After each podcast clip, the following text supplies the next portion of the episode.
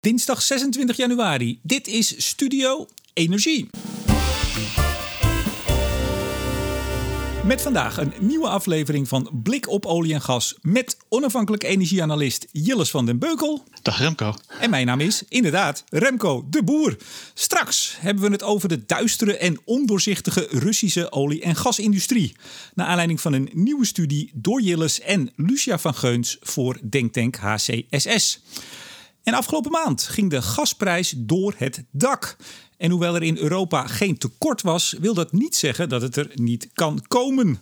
Oftewel, de leveringszekerheid, ook in Nederland, is in de winter niet meer zo zeker als die ooit was. Wat te doen? Jilles heeft uiteraard alle antwoorden.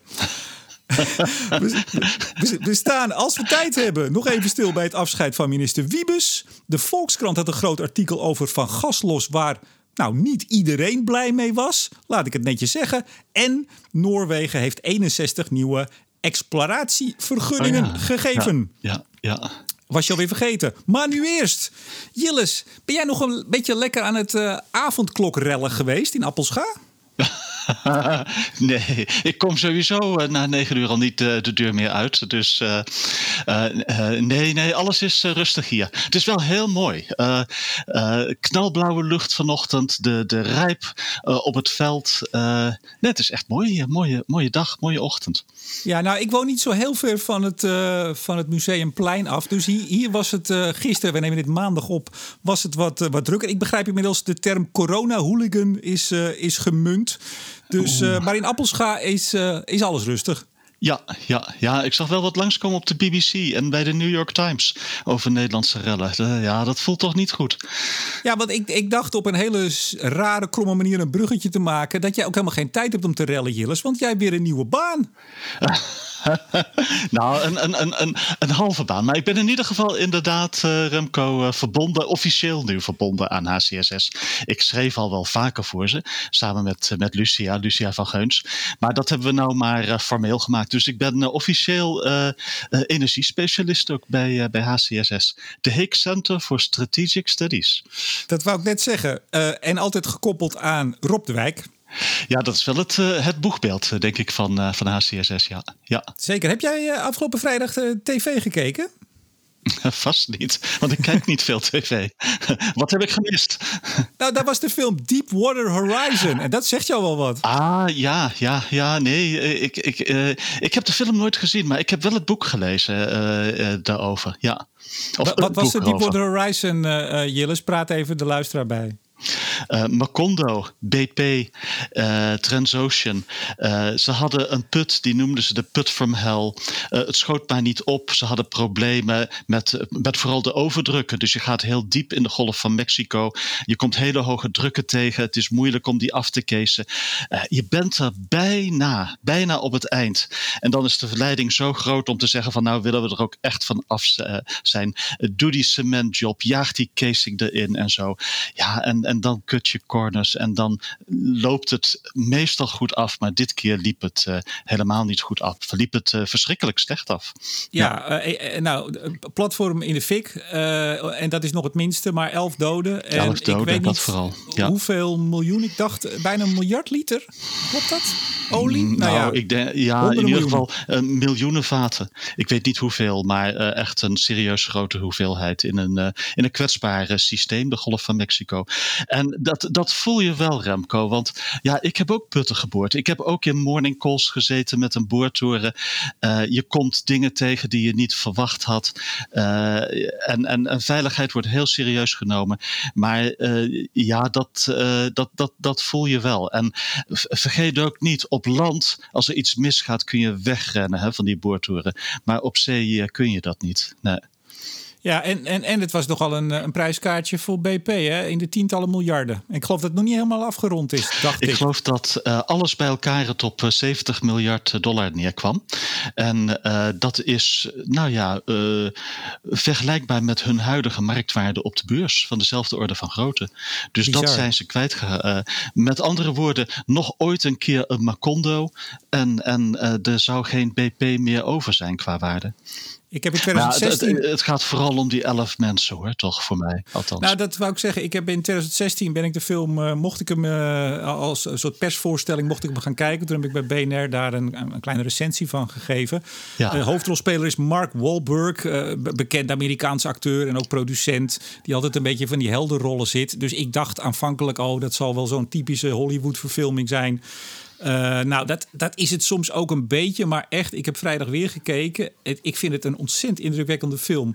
Want niet alleen, ja, je weet als je een beetje bent ingevoerd precies wat er gebeurd is. Dus je weet wat er gaat komen. Toch zit er een ontzettende spanningsboog in. Ik raad hem je echt aan, Jillis. Ga ja, een keer kijken. ik ga hem een en keer kijken, ja. ja. Vooral, dus in het begin, eh, het tussenstuk is wel een beetje, ja, dat is natuurlijk heel veel explosie en, en, en ellende. Maar het is zo beklemmend goed gemaakt.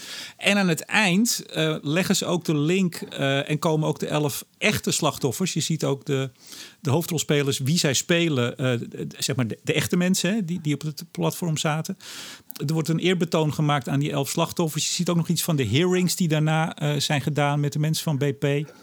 Dus het krijgt, ja, het is een, ja, ik, ik vind het gewoon een fantastische film. Uh, ja, ja, fantastisch. Ja. Mijn vrouw zei, ja, fantastisch. Dat klinkt indrukwekkend. Dat is misschien het betere woord, indrukwekkend. Dus ga dus, kijken. Remco, kun je voorstellen hoe dat voelt? Je bent geoloog, je schrijft een putvoorstel. Je laat die mensen op die boortoren uh, daarheen boren. Ja, jij geeft ze op. Dit zijn de druk die, drukken die je kunt tegenkomen. Uh, dit is de high case voor de druk. En dit is de druk waar je echt niet boven komt, bij wijze van spreken. En ja, uh, jij zit in het kantoor, maar die mensen die zitten op die boortoren en die komen van alles tegen. Dat, uh, uh, dat ja, dat, dat, daar kun je wel mee bezig zijn. Ja. Snap ik. Um, ja, we zitten helemaal, we zitten helemaal in de film, Jillis. We moeten eigenlijk toch wel door naar uh, de, de orde van er de dag. Er zijn uh, mooie films over olie en gas gemaakt hoor. Oklahoma Crude. Uh, Franse film Le Salaire de la Peur. dat is echt een mooie film. Kan ik mensen ook aanraden. Ja. We, we gaan voortaan een filmhoekje gaan we doen in deze uitzending. hey, we gaan door. Jij hebt volgens mij vandaag, morgen, wanneer weer een artikel bij Trilemma over de, de winterpiek voor de gasprijzen. Nou, januari, deze maand nog, door het dak. Ik zei het al. Ja. In, uh, in Japan ging er een ladingje LNG weg voor het equivalent van 250 dollar voor vat olie. Ja. Uh, wat is er aan de hand, uh, Jillis? En, en waar zitten we nu op dit moment, vandaag? Oh, ik weet niet waar we op dit moment heel veel lager, maar dat is een beetje algemeen. maar, het is gekalmeerd, hè? Ja, dat is gekalmeerd en dat gaat ook weer kalmeren, want de prijs voor levering, zeg in april, die, die, heeft, die laat helemaal niet zo'n piek zien. Het was echt een, een korte winterpiek. Maar die was wel heel hoog. Uh, uh, het ging door het dak, zeg je. Het, het, ging ook door de bovenkant van mijn grafiek heen, uh, die ik, die ik probeerde te maken over de gasprijzen. ja, 40 dollar per MMBTU, equivalent aan in energie aan 250 dollar voor een vat olie. En afgelopen zomer was het nog 10 dollar. Dus dit kan er gebeuren als mensen ja, desperate zijn voor gas. als je huizen misschien niet meer kunt verwarmen Als je bang bent dat je een elektriciteitscentrale uh, stil moet leggen. En dat waren mensen in Japan dus met name. Meer dan nog dan in China. Maar dit, dit speelde vooral in uh, Japan. Van, uh, ze zaten te snakken om weer een LNG-lading. En als die LNG-carrier dan langskwam. Normaal laat je een paar procent zitten van de lading. voor de terugreis. Nou, ze, ze zogen hem helemaal leeg nou. Tot op het laatste restje gas. Maar wat is er specifiek aan Japan? En dan komen straks naar Europa en ook naar Nederland. Maar wat is er specifiek de situatie in Japan? Uh, nou, minder, minder kerncentrales die ze in het verleden hadden. Uh, geen pijpleiding aanvoer van gas. Uh, weinig opslag.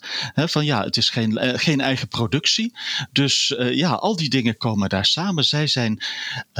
kijk, wij zijn ook wel een beetje afhankelijk van LNG. Maar zij zijn in Japan veel meer afhankelijk van LNG.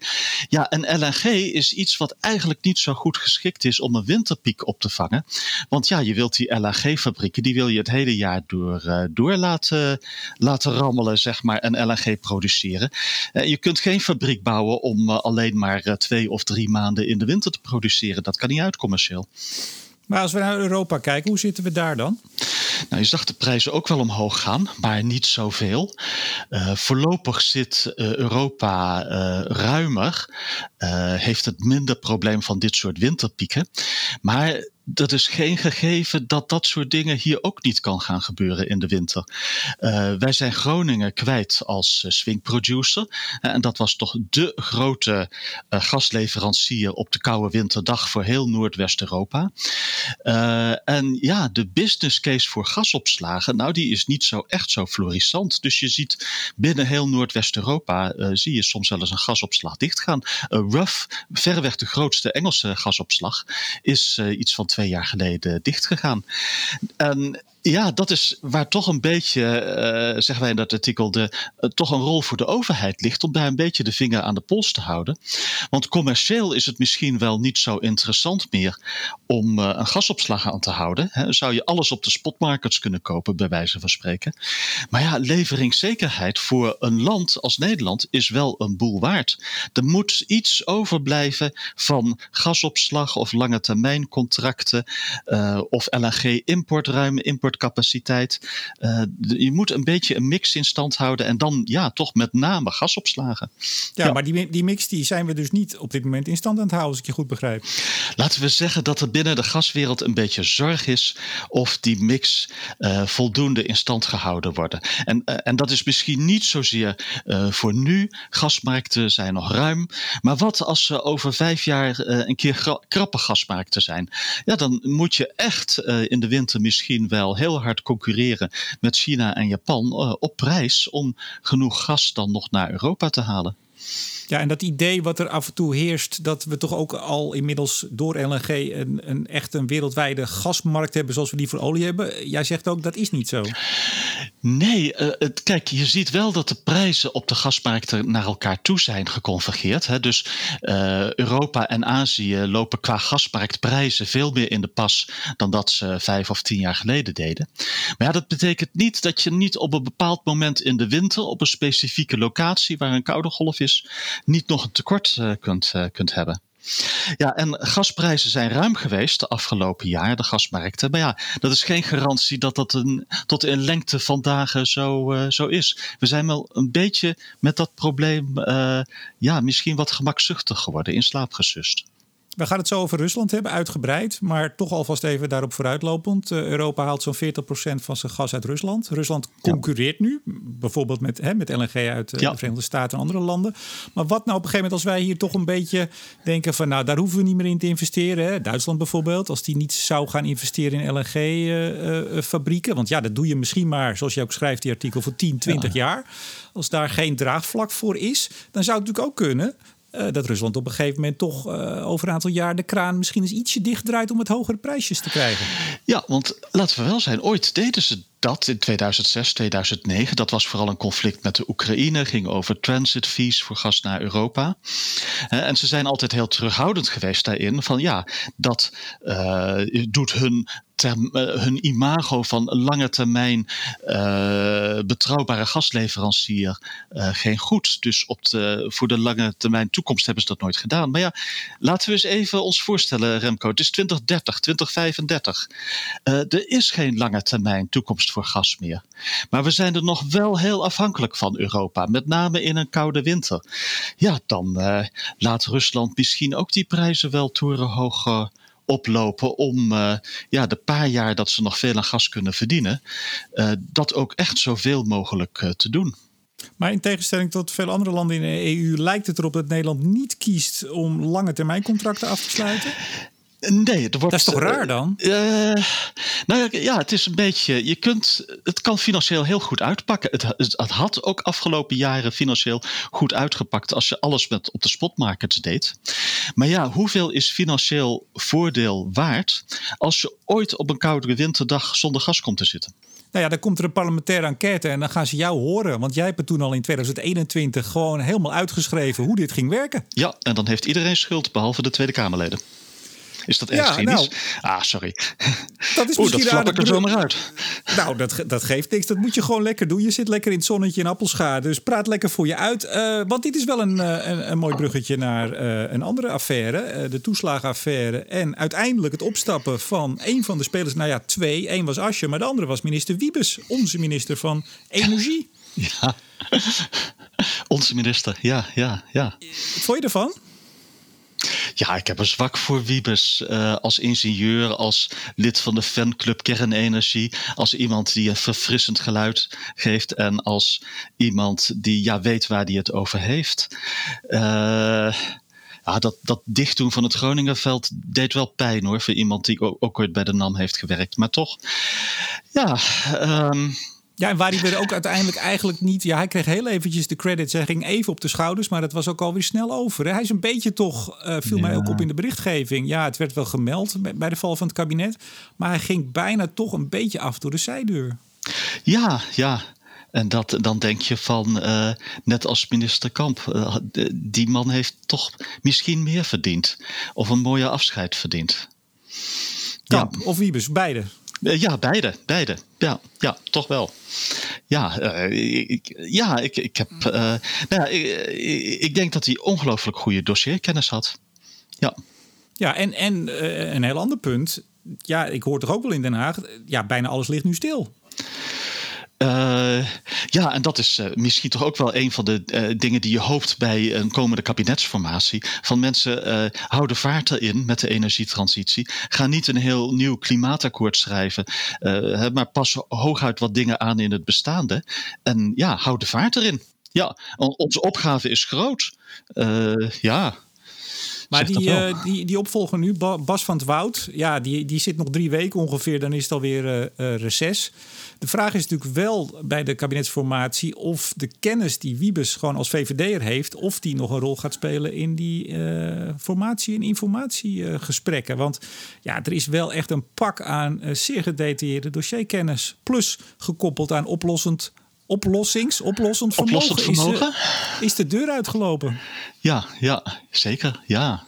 Dat, uh, ja, ik weet niet, ik denk dat jij beter in de Haagse wereld zit, uh, Remco. Hoe kijk jij daar tegenaan?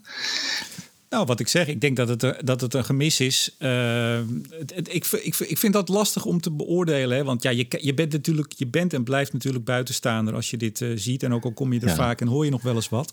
Het is altijd de vraag: heeft de VVD er nou toch een beetje op aangedrongen? Hij zat er wel mee, dat was bekend. Hij zat er echt mee met die affaire. En hij rekende het zichzelf echt aan. Uh, zeer verantwoordelijk. Um, maar nadat Ascher was opgestapt, ja, er moest wel wat. Hè? Ascher als enige weg, dat, dat was ja, eigenlijk ja. onbestaanbaar. Dan, dan had Rutte een enorm probleem gehad bij, ja. de, bij de komende verkiezingen. Heeft hij nog steeds door de toeslagenaffaire onder andere. De Rutte-doctrine, zoals we die inmiddels uh, zijn gaan kennen. Vind ik ook wel een mooie, want wat hebben wij gezien bij het klimaatakkoord? Dat er ook heel veel was afgelakt. Hè? De, de Rutte-doctrine, toch even voor de luisteraar. Um, ja, de oppositie schetst het beeld dat eigenlijk alles onder de pet wordt gehouden. Er wordt uh, nauwelijks iets gedeeld. Dat is tot op zekere hoogte natuurlijk waar. Ik heb me er ook aan geïrriteerd uh, bij dat klimaatakkoord, waarbij toch de polder uh, eigenlijk een deel van het politieke werk laat doen. Maar dan weten we niet precies hoe dat gegaan is. Ja, en aan de andere kant denk ik toch, en dat is ook hoe Rutte het uitlegt, en dat is ook wel logisch dat in uh, een zo lastige uh, coalitiewereld, waarin je om iedere, voor ieder besluit bijna om een meerderheid moet, uh, ja, die moet je bij elkaar sprokkelen. En ieder, alles, alle informatie die naar buiten gaat, ligt meteen onder een enorm vergrootglas in de media. En dat is vaak een heel ongenuanceerd vergrootglas. Het woord zegt het bijna al, ja, dan ontstaat ook vanzelf de neiging om uh, ja, toch maar niet alles te delen. En zeker niet al je afwegingen, want daar gaat het over. Je beleidsafwegingen, als die op straat liggen. Ja, je weet, Jillis, ja. uh, ik zeg het altijd met pijn in het hart, maar ik heb niet een hele hoge pet op van uh, de vaderlandse media. niet allemaal, maar wel het, het gros. Ja, dan zie je meteen hoe dat dezelfde avond aan de, aan de talkshowtafels volstrekt uit zijn verband wordt gerukt. Dus die neiging snap ik. Maar het is een beetje. Ja. Het versterkt elkaar. Hè? Hoe meer je achterhoudt of stilhoudt of toch probeert weg te houden, hoe meer je beschuldigd wordt van het weghouden. Nou, dat versterkt elkaar. Dus, een... dus, dus dat wordt een vraag van uh, uh, in onze huidige mediawereld kun je nog beleidsoverwegingen delen? Op dit moment denk ik dat dat buitengewoon lastig is. En uh, ik heb ook niet het antwoord hoe we, hoe we daaruit komen uit deze spiraal. Ja, ja. Nou, misschien ook dat weer een bruggetje. Het, het regelt bruggetjes uh, vandaag, Jilles. Ja. Uh, Volkskrant had een groot artikel. Uh, en ook op de voorpagina over van gas los. Vet op de voorpagina. En ook ochtends in het nieuwsoverzicht van het NOS-journaal. Want dan pak je nog een paar honderdduizend mensen mee. In twee jaar 206 aardgasvrije huizen. Ik, en moet, dat je, was niet ik, ik, moet je wat bekennen, Remco. Ik heb het zelfs geretweet. nou, ik heb, het ook, ik heb het ook gedeeld. Maar daar, goed, daar hoef je het allemaal niet mee eens te zijn. Maar het was wel een, een opvallend stuk. Je ziet dan ook hoe dat stuk, daar stond toch best veel uh, informatie in. Er was uh, veel tijd aan besteed. Maar ja, dat, dat kookt dan in op zo'n voorpagina. En vervolgens ochtends bij de NOS in het journaal. Heel kort van, nou ja, het, het, is niks, het wordt niks, het zal wel niks wezen. Althans, ik, ik vat het nu ook weer heel kort samen. Hè? Ook, ik doe nu precies hetzelfde als media doen. 206, dat is het getal wat blijft hangen. Ja, niet iedereen was blij met het artikel, uh, toch? Nee, ik zag het. Ja, ik vroeg me ook af, uh, had ik dat daar moeten delen, dat artikel, of niet? Um, ja, want het is toch wel een beetje. Kijk, aan de ene kant denk ik dat het oké is om te, op te wijzen dat dat specifieke element van de energietransitie, bestaande bouw van gas af, dat dat heel lastig is. Dat het heel langzame vorderingen maakt. En je kunt ook echt, denk ik, je, je vraagtekens zetten bij dat doel voor 2030. Uh, eh, anderhalf miljoen huizen, meen ik, in de bestaande bouw van het gas af. Hè. Uh, ik, ik denk dat uh, ja, voorlopig de makkelijker, ik wil niet zeggen betere, waarschijnlijk wel, maar dat vind ik een moeilijk hoor. Maar de makkelijker weg is ja, goed isoleren hybride warmtepomp. En je bespaart 80% van het gas. Die orde van grootte. Ja, dat, dat, uh, en dat helemaal van het gas af. Ja, dat, uh, ja, dat is zoveel moeilijker. En, en daar word je dan op afgerekend. Ja, een van de reacties was van uh, Suzanne van Zuilenkom, uh, Miss Warmtepomp. Uh, ook te gast geweest, uiteraard bij Studio Energie. werkt bij Vattenfall aan de warmtetransitie. Ja, ja die, die zetten dat toch even in een ander perspectief. Van, ja, die twee jaar is eigenlijk heel erg kort. Hè? En, en het gaat vooral om, in, zeker in die proefwijken, om dat hele proces van hoe we dat nou met z'n allen gaan doen, om dat voor elkaar te krijgen. Uh, nou, dat, ik heb, dat heb ik ook even geretweet, uiteraard. Want dat, is, uh, ja, uh, dat geluid is ook heel belangrijk. Wat, wat me wel opvalt, en dat valt me al de afgelopen weken weer vaker op. je weet, ik, ik woon in Amsterdam. En nou, daar, daar, daar, is een gedoe over windmolens bij Eiburg. En dat ook GroenLinks en D66-stemmers dat absoluut niet zien zitten. En dan valt mij op dat de pro, uh, de pro-windenergie en de, de, de windcoöperaties bijvoorbeeld, de energiecoöperaties, ja, dan ook heel erg boos worden op media die daarover berichten. En dat doen ze inderdaad vaak uh, ongenuanceerd. Maar datzelfde zie je bij Van Gaslos. Kijk, de media zet over het algemeen het lichtje op iets wat afwijkt van, uh, ik zou bijna zeggen, van het reguliere. En aanvankelijk, bijvoorbeeld met Van Gaslos, kreeg hij net zoveel positieve, ongenuanceerde pers. als dat het nu uh, vaak aan de andere kant zit. Ja, ja. En ik, je weet, 2016, eh, nationale klimaattop, we gingen van het gas af. Kranten namen het over, media, nog maar 13 jaar, dan moet, dan moet het klaar zijn met het gas in Nederland. Het waren ik zeg het even, excusez mo, idiote uh, artikelen die erover verschenen. Maar toen hoorde ik aan de, de, de vergasloskant daar niemand over klagen.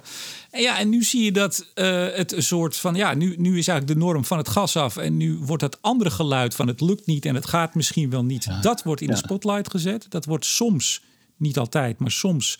Uh, heel ongenuanceerd gedaan. Ja, en dan is Leiden in last. En dan klagen ze over ongenuanceerdheid. Dat zie je aan alle kanten aan het begin en aan het eind. Het ligt er maar aan waar je zit. Dus ik vind ook, heel belangrijk, dat ook als, je, als het je in je straatje uitkomt dat er ongenuanceerd wordt bericht over waar jij dan misschien voor bent, dat je dan ook je vinger opsteekt en dat je dan ook probeert te nuanceren. Want het bijt zich vanzelf in de staart. Je komt ook een keer aan het andere eind te zitten. Ja, ja.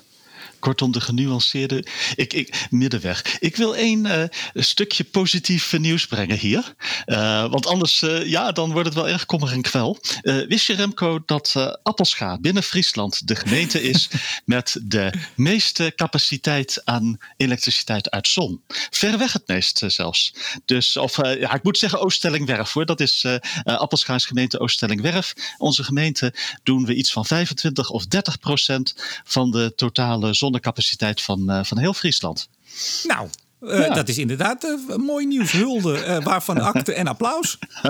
Mijn vrouw Willy zei namelijk: elk NOS-journaal zou een klein element aan goed nieuws moeten bevatten. Nou, dit is ons element aan goed nieuws hier. Nou, fantastisch dat je dat gebracht hebt. En dan weet ik niet of het laatste korte nieuwtje, en dan gaan we naar jullie, jullie fantastische Rusland-paper. Maar of het laatste korte nieuwtje, of dat nou in het goede of het slechte nieuws valt. Maar Noorwegen heeft 61 nieuwe exploratielicenties afgegeven. Goed nieuws. Ja. Ja, want uh, olie uit Noorwegen heeft een substantieel lagere carbon footprint dan uh, gemiddeld.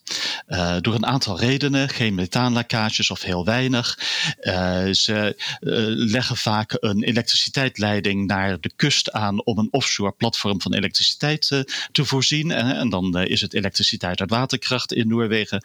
Dus het is olie met een echt een stuk lagere carbon footprint dan gemiddeld over de wereld. En eigenlijk olie met een lage carbon footprint zou gewoon meer waard moeten zijn. Dat is het niet in de huidige markt, maar dat zou het eigenlijk wel moeten zijn.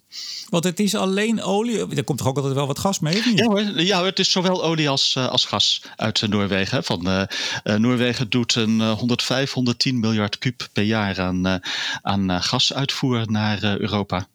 Dat is eh, substantieel. Maar zet die 61 eh, vergunningen even in, in perspectief. Is dat uh, iets wat je afgeeft en gaat er ook dan meteen aan gewerkt worden? Of ligt het op de plank? Nou, we dat zien? er zit meestal een werkprogramma bij. Dus uh, je schiet seismiek, nieuwe seismiek, of je reprocessed bestaande seismiek, of je belooft een studie. En als het een heel interessant gebied is, dan beloof je als bedrijf een put. Of misschien wel twee. Ja, dan wordt het echt serieus geld. Maar dat zijn wel werkprogramma's over vijf of acht jaar, bij wijze van spreken. Niet over vijf of acht uh, maanden. Denk, denk jij niet dat misschien een aantal van onze luisteraars, en zeker de wat nieuwe en zeker misschien ook de wat, uh, de wat jongere en groene, want we hebben heel veel uh, luisteraars in alle segmenten, dat die denken: hè? Noorwegen, 61 nieuwe, nieuwe vergunningen, die, die gingen toch helemaal van de groene? Uh, ja, nou, uh, uh, ze, ze, ze, ze, stimuleren elektrische auto's heel erg. Dat doen ze ook voor, een, nou, voor een groot deel, kun je wel zeggen, denk ik, met het geld wat ze verdienen met olie en gas. En ja, omdat dat olie en gas is wat op een nette manier wordt opgewerkt, ja, is dat eigenlijk best een goede ontwikkeling aan beide kanten. Ja. Maar, maar, is in Noorwegen, ik, ik volg de Noorse energietransitie eh, niet op de voet, zeg ik er meteen bij. Maar is dat daar controversieel of is dat, uh, nou, is daar een grote uh, steun het voor? Het is controversieel bij mijn weten in bepaalde specifieke gebieden, bijvoorbeeld bij de Lofoten. Maar niet zo controversieel in zijn, in zijn algemeenheid. Ik, ik, ik, was twee, tweeënhalf jaar geleden op een conferentie in Stavanger. Daar kwam de Noorse minister van Energie of van Olie en Gas. Nou, en die hield echt een duidelijk verhaal hoor. Van wij willen meer olie en gasproductie uit uh, Noorwegen. Punt. Ja. Nou, en toen, toen barstte de zaal in applaus uit waarschijnlijk. ja, dat, uh, dat, dat ook. Eh, ik bedoel, al die mensen uit Texas hadden iets anders verwacht in Europa. Maar uh, nee, dus... nee, het was, was wel een mooie conferentie trouwens. Ik zag een Scott Pioneer van... of of Scott Sheffield van Pioneer bijvoorbeeld spreken. Ah, dat is toch wel mooi hoor, zo'n Texaanse olieboer te zien, zien presenteren. Dat is wat anders dan een Europese CEO. Ja. Van de... Maar, van de nou, van... één ding nog, hè, van die 61 exploratielicenties. Uh, hoeveel denk je dat er naar Shell gingen, Remco? Oh, we krijgen weer een quiz en dat heb ik natuurlijk weer niet voorbereid. Althans, ik heb die. Nee, ik nou, weet ik zal je verklappen. We gingen één naar Shell. En dat zegt ook wat. De, want de, wat er nu gebeurt in de Noordzee is dat echt de Shells en de BP's en de ExxonMobils van deze wereld uh, wegtrekken. En dat, wordt, uh, dat gat wordt ingenomen door kleine bedrijven. Dus ik denk dat het meeste aantal licenties bijvoorbeeld naar een bedrijf als Lundin ging. Hè, maar ook uh, ONE had, had een aantal licenties bijvoorbeeld uit Nederland. Ja. Maar is dat een goede of een slechte ontwikkeling? Het is een natuurlijke ontwikkeling dat zeg maar, uh, uh, dat zeg maar de, de laatste, uh, ja, dit is toch eindfase, dat in een eindfase specifieke niche operators misschien meer doen dan, dan de, de, de grote IOC's. Die ook waarschijnlijk toch meer en eerder met de energietransitie bezig gaan. Uh, je, ziet, uh, je ziet de Noordzee eigenlijk voor een groot deel overgenomen worden door de Lundins van deze wereld. Echt niche exploratiecompanies. Ja, en door de Neptunes, uh, de Chrysaors en hoe ze ook mogen heten. private equity backed. Nou, van de Noordzee en de Noorse olie- en gaswereld stappen wij, en het is niet eens een hele grote stap, naar de Russische. Jullie hebben een, jullie, jij en Lucia van Geuns voor HCSS, jouw nieuwe werkgever, Applaus, applaus. Heb je, heb je al taart, taart gegeten en zo of niet? Nee, nee, nee, nee. nee. En voor de goede orde, ik, ik sta ook niet op een loonlijst of zo hoor. Ik, uh, maar ik werk uh, mee en waarschijnlijk vaker in de toekomst dan in het verleden uh, aan, ja, aan studies die ze Zeker. Doen. Ja. Week geleden kwam jullie Rusland paper uit. Nou, toch maandag gewerkt. Je hebt het er al eens vaker over gehad hier in de uitzending. komt trouwens ook, zeg ik meteen vast voor ik het vergeet, een, een podcast aan bij BNR, bij De Strateeg met Lucia Vergeuns over meer de, de geopolitieke kant van de zaak. Ja. Uh, trouwens ook, heb ik vanochtend al even gedeeld op Twitter, een uh, handige factsheet. Vond ik heel mooi. Die heb ik meteen maar even online gegooid. Ah, ja. Ja. Maar dat geheel terzijde. jeetje, ik heb het gelezen. Um, dat is wel een, spannende, een spannend wereldje, hè? Zou, je er, het... zou je er hebben willen werken, Jillis? Jazeker, Remco. Wat is er nou leuker dan met uh, fossiele roofbaronnen te werken? Fossiele roofbaronnen, kijk eens Nou, je kan nog steeds, hè, want jij bent gewoon echt een hele nieuwe carrière. Jij bent, uh, uh, ja, eigenlijk met pensioen, maar bent gewoon een totaal nieuwe carrière gestart. Wie weet dat jij straks nog bij, Kreml, bij Poetin in het Kremlin zit? nou, misschien in de Lubjanka, maar nee. Fossiele, wat zijn je? Fossiele roofridders, hè? noem je ze. Ja, uh, ja, dat, uh, nou ja, kijk, uh, ik vond het een fascinerende wereld om, om in te duiken, de Russische olie- en gasindustrie. maar ja, dat, dat er dat soort dingen gebeurden in die mate. Ik bedoel, soms worden er miljoenen achterover gedrukt. Een enkele keer miljarden, maar hier gaat het om tientallen miljarden, Remco. Dat, dat vond ik toch wel ja, erg frappant. Er is een groep mensen rondom Poetin heen. en het is niet eens zozeer dat die olie- en gasbedrijven eigenaars zijn, maar wel van alle contractors. Dus die pijpleidingen die uh, overal in Rusland gelegd worden, hè, uh, Power of uh, Siberia naar, naar China bijvoorbeeld, dat is een project van iets van 40 miljard of zo. Nou ja, die worden aangelegd door contractors die ja, gerund worden door vriendjes van Poetin. daar komt het wel op neer. Nou ja, en je, en je snapt, die pijpleidingen zijn twee keer zo duur bij wijze van spreken dan wat ze bij een vrije aanbesteding zouden zijn. Uiteraard, twee keer zo duur. Ja, lekker. Centjes in de zak. Ja, en die moeten dan weer verdeeld worden. En dat gebeurt op een schimmige manier. We gaan, we gaan daar zo even op door. Maar ik wil toch even, want ik vind het een, een hele mooie paper.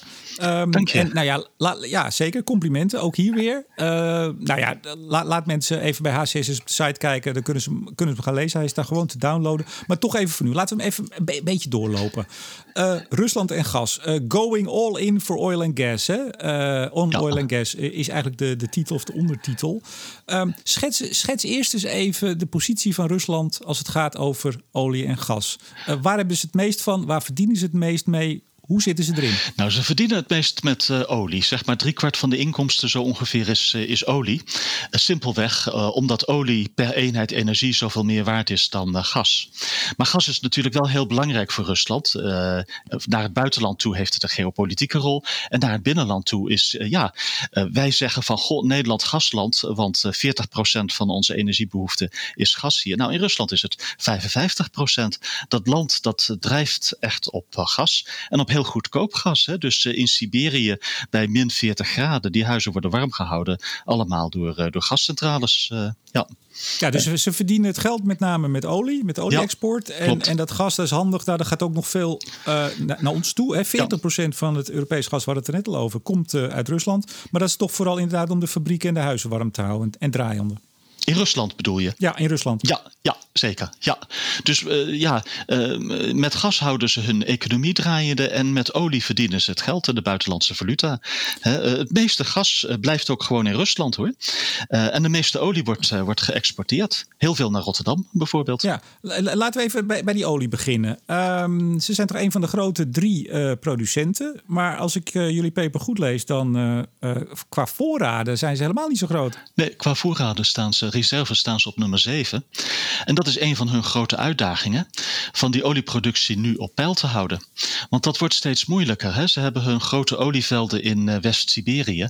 Ja, en dat begint langzaamaan beetje bij beetje op zijn eind te lopen. Het wordt steeds moeilijker. Het wordt steeds duurder ook om daar uh, nieuwe olie uit uh, te halen. Nou ja, en in de rest van Siberië, Centraal-Siberië, Oost-Siberië, hebben ze heel veel gezocht afgelopen twintig jaar en heel weinig gevonden. Uh, offshore, ja, dat is niet hun, hun sterkte. daarvoor hebben ze het Westen nodig. ExxonMobil wou daar ook ooit groot instappen in, de, in de Arctic. Nou ja, dat, dat ligt stil door sancties. schalieolie, ja, dat kunnen ze niet, is ook duur.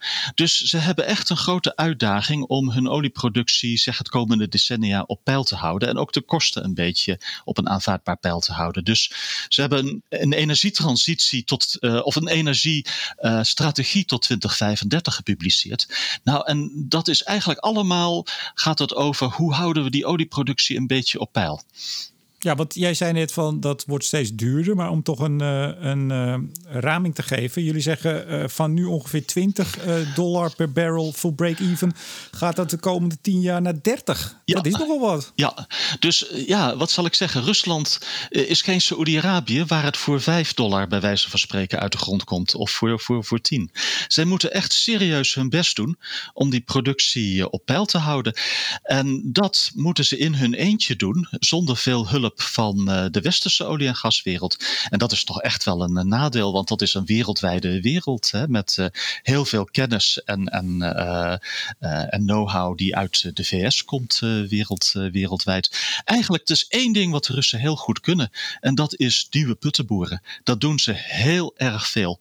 Gewoon als er, een, als er in de westerse wereld water in een bestaande put komt, dan gaan mensen heel goed nadenken en modelleren waar komt dat water vandaan kunnen we de helft van die put afsluiten. En in Rusland is het gewoon makkelijk. Daar, daar boor je gewoon een nieuwe put of een paar. Net zo makkelijk. En op gasgebied, hoe, uh, wat is de positie daar van Rusland nu en, en wat verwacht je de komende jaren? Dus hun gasreserves die zijn wel heel groot, zijn zelfs de grootste ter wereld. Uh, en het probleem bij gas is niet om uh, ja, gas te produceren, maar om het uh, te transporteren en er, en er geld aan te verdienen. in een wereld ja, waarin het moeilijker wordt om veel geld te verdienen aan gas. Want ja, er is iets bijgekomen. Vroeger was het vooral pijpleidingen. tegenwoordig is er heel veel LNG uh, bijgekomen. Dus uh, gas wordt rondgevaren in tankers over de oceanen.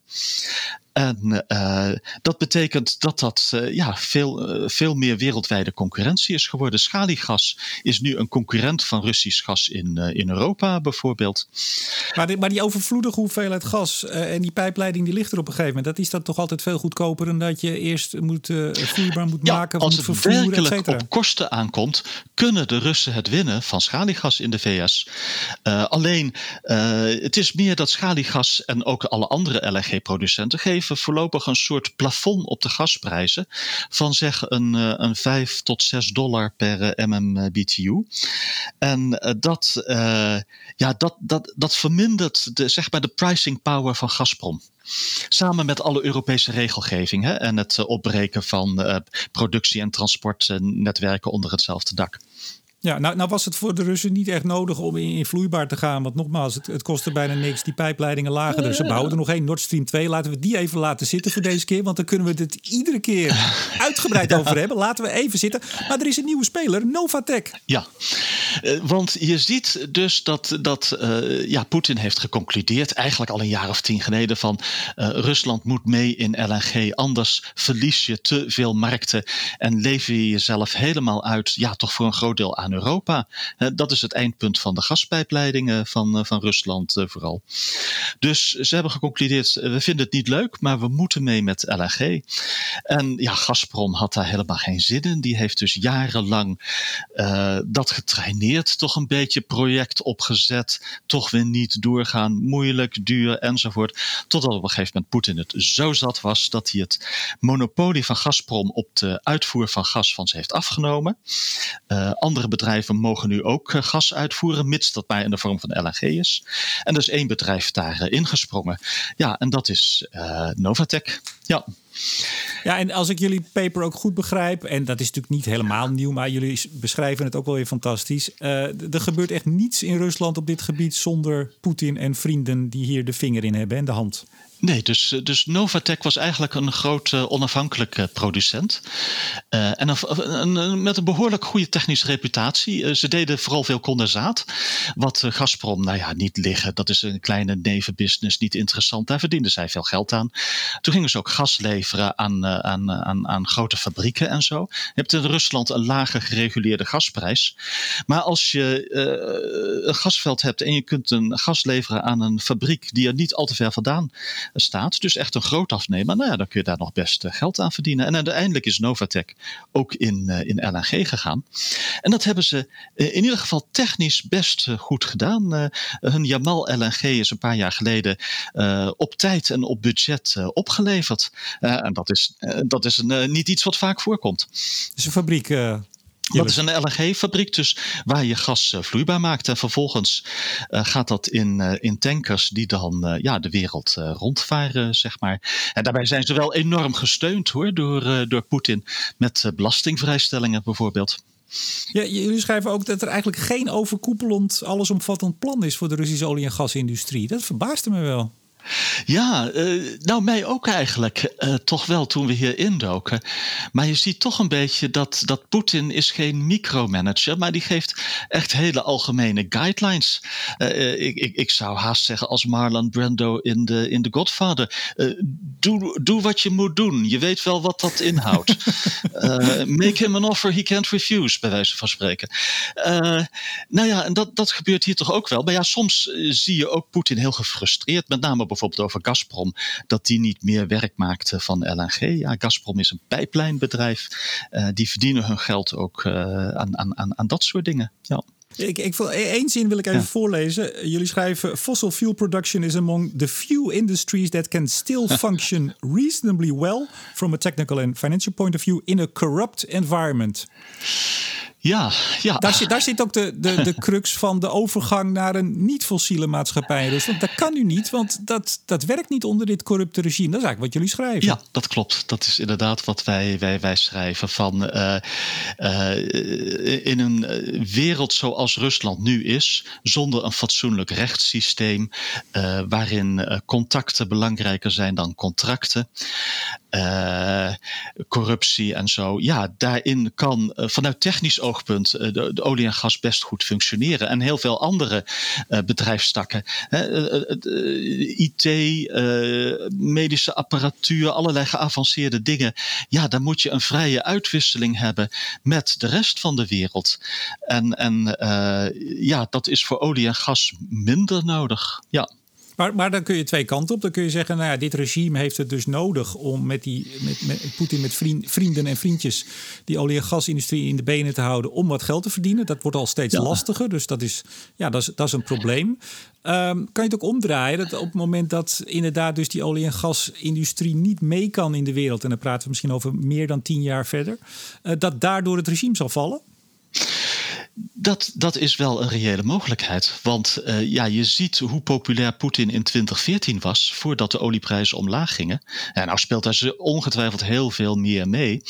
Maar deze lage olieprijzen en ook dat de Russische staat de meeste pijn leidt, niet de olie- en gasindustrie. Uh, ja, dat doet de Russische middenklasse echt, uh, echt zeer financieel. Ja. De devaluatie van de roebel doet ze ook echt zeer, de middenklasse. Als jij nou binnenkort een berichtje krijgt, zo via de, de Russische ambassade in Den Haag, dat ze jou, uh, jouw inzicht in het Kremlin wel heel erg waarderen en of je een keer langs wil komen, doe je dat dan? Dat krijg ik niet, Repco. Dat krijg ik niet. Nee, maar wij, in deze podcast kunnen wij alles eh, laten gebeuren als wij dat willen. Dat nou, gebeurt. Ik zorg ja. daarvoor. We, weet je wat ik het frappante vond? Je hebt ook uh, best veel academici en liberale mensen in Rusland. Bijvoorbeeld het Skolkovo-instituut in Moskou. In de tijd opgezet door Medvedev. Nou ja, die publiceren ook dingen die dit ongeveer zeggen. Misschien iets diplomatieker en aardiger. Maar die zeggen geen fossiele roofridders. Die zeggen geen fossiele roofridders. Maar die zeggen wel, dit is een doodlopende weg op de lange duur qua businessmodel voor Rusland. Ja. Vooruitblik, want we zijn alweer aan het eind. Ja, we kunnen nog een uur door, Jilles. Heb jij nog leuke dingen aan de horizon? Uh, oh jee, daar overval je me mee. Nou, ik wil wat gaan schrijven over waterstof, blauwe waterstof. Maar goed, dat duurt nog één of twee maanden. Maar dat is uh, waar ik nu mee bezig ben. Ja, ik dacht jij gaat zeggen, nou, ik kijk ontzettend uit naar volgende week als jij Remco voor een van mijn clubjes, de Koninklijk Nederlands Geologisch Mijnbouwkundig Genootschap, ah. een lezing komt geven. Ja, dat vinden we heel leuk uh, dat je dat wilt uh, doen, Remco. En kijken we ook naar uit. Uh, van ja, ja, zeker. Maar to, toch, eh, uiteraard doen we dit online. Maar laten we meteen, uh, laten we de luisteraar niet met te veel details lastigvallen. Maar um, uh, heb ik dan een soort publiek? Reageert me dan? Of moet ik gewoon een verhaal achter mijn computer houden? En, en is dat het? Ja, nee, dat publiek is geïnteresseerd en dat, en dat reageert. Alleen nu is het, ja, de laatste paar keer in de coronawereld hebben we het zo gedaan dat we de vragen naar het eind doorschuiven. Omdat het zo lastig is met 40 of 50 mensen dat steeds tussendoor te doen. Dat zouden we normaal wel doen. Uh, ja. En nu is we gaan kijken. Inderdaad, aan het, uh, aan het eind. Ja. Ja, en zelf kijk ik uit, zeg ik toch even in de vooruitblik, naar de eerste aflevering die ik volgende week ga maken met uh, Letitia Ouye. Ja, leuk. Oeje ja. en de boer. We moeten nog een betere naam verzinnen waarschijnlijk, maar dat wordt hem wel. ik vind dat wel een aparte mooie naam. Oeje en de boer. La France en uh, de, de kaaskop. Zeker. Dus nou, daar heb ik heel erg veel zin in. Uh, ook wel een klein beetje nerveus, want ja, je weet maar nooit hoe dat gaat uh, met een, een, een, nieuw iemand om de zaken door te nemen. Maar ik heb in ieder geval ontzettend veel zin in. En ik denk, of ik weet, zij vast ook. Ja. Tot zover. Deze aflevering van Blik op olie en gas met onafhankelijk energieanalist Jilles van den Beukel. Uh, ja, tot over een maand, denk ik. En mijn naam is Remco de Boer. Graag tot de volgende keer.